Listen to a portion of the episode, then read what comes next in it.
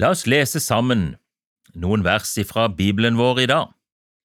Det er fra Johannesevangeliet, kapittel 4, og vers 39 og til og med vers 43. Andagsstunda i dag har jeg kalt for Mannen fra Ukraina. Mannen fra Ukraina eller Ukraina. Men bibelversene er altså fra Johannes 4, 39, og der står det sånn i Jesu navn. Det var mange av samaritanerne fra denne byen som trodde på Jesus på grunn av kvinnens ord da hun vitnet, Han har sagt meg alt det jeg har gjort. Da nå samaritanerne kom til ham, ba de ham bli hos dem, og Jesus ble der to dager, og mange flere kom til tro på grunn av hans ord.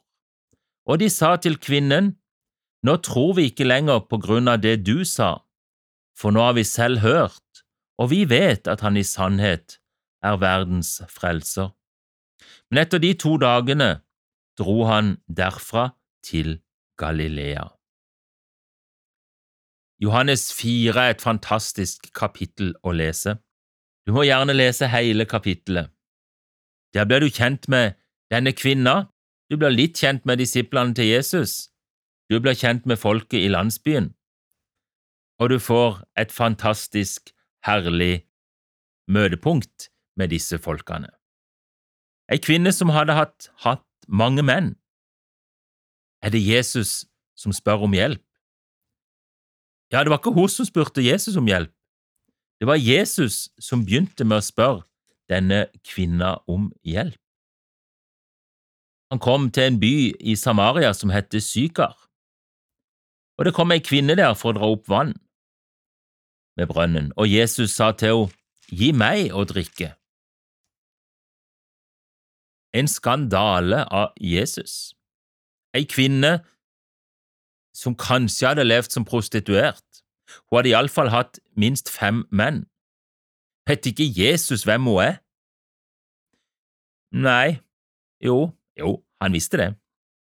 Men Jesus hjelper, elsker alle mennesker. Han bryr seg om alle mennesker. De samtaler sammen. Hun får høre mye flott, mye at han vet om livet hos sitt. Og så blir hun så forandra av Jesus at hun glemmer hele vannkrukka si. Det synes jeg er spennende. Vannkrukka som i den tida og i den sammenhengen var noe av det viktigste å passe på.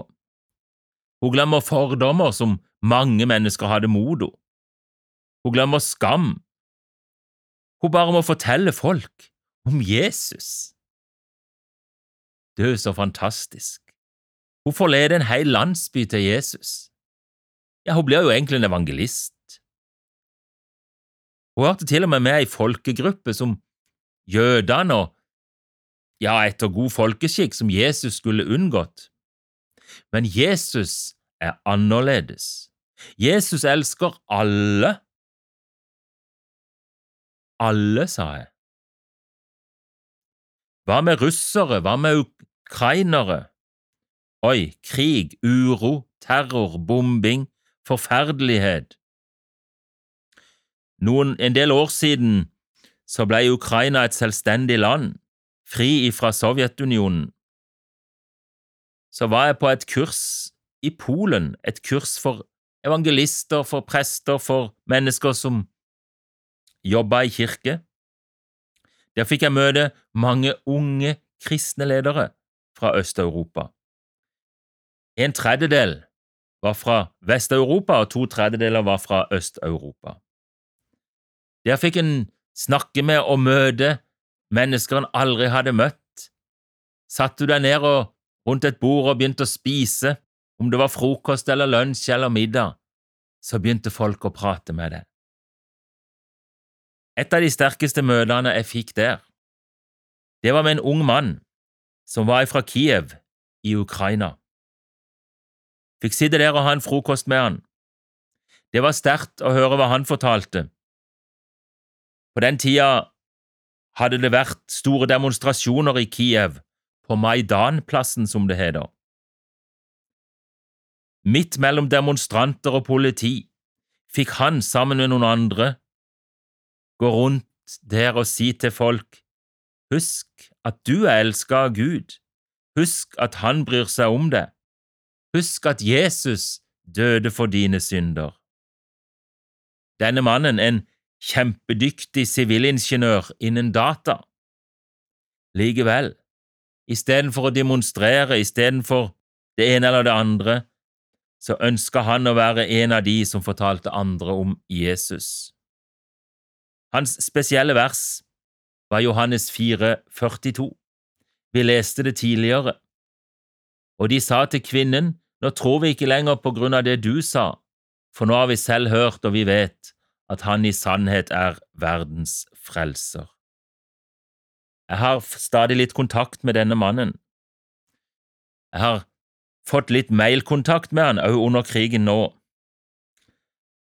Han jobber med viktige oppgaver innen databransjen, et datasgeni. Men Jesus, troa hans på Jesus, å fortelle andre om Jesus, er like viktig for han nå, selv om det er et land i krig. Han er blitt en modell, et forbilde for meg. For ei stund siden så skriver han til meg, Dere som lever i Vesten og dere som bor i Norge, dere må ikke hate russere. De er elsket av Gud. De trenger frelse, akkurat som ukrainere gjør. Sitat slutt. Alle mennesker trenger å bli kjent med Jesus. Jesus ønsker å bli kjent med alle. Han brukte ei kvinne med et uryddig liv bak seg, og han bruker en dataingeniør, et geni, i Kiev i Ukraina, midt i en forferdelig krigssituasjon. Jesus vil bruke alle som tar imot han. Jesus sa følg meg, så vil jeg gjøre dere til menneskefiskere. Vil du fortelle noen som du omgås, om de tro og om han du tror på, Jesus? Og de sa til kvinnen, Nå tror vi ikke lenger på grunn av det du sa, for nå har vi selv hørt, og vi vet at han i sannhet er verdens frelser. Takk, Jesus, for de som møtte deg der, og takk for at du er den samme i dag. Må du stelle med oss, så vi vil være med og fortelle om du som verdens frelser. Amen. Over en åpen bibel var ved Egil Grindland. Serien produseres av Norea, og hver fredag har vi en åpen forbundstelefon. Du kan ringe oss mellom klokka 9 og 11.30. Bruk telefonnummeret 38 14 50 20, 38 14 50 20, altså fra klokka 9 til 11.30. Du kan òg sende forbundsemnet ditt på e-post. Bruk da adressen postalfakrøllnorea.no.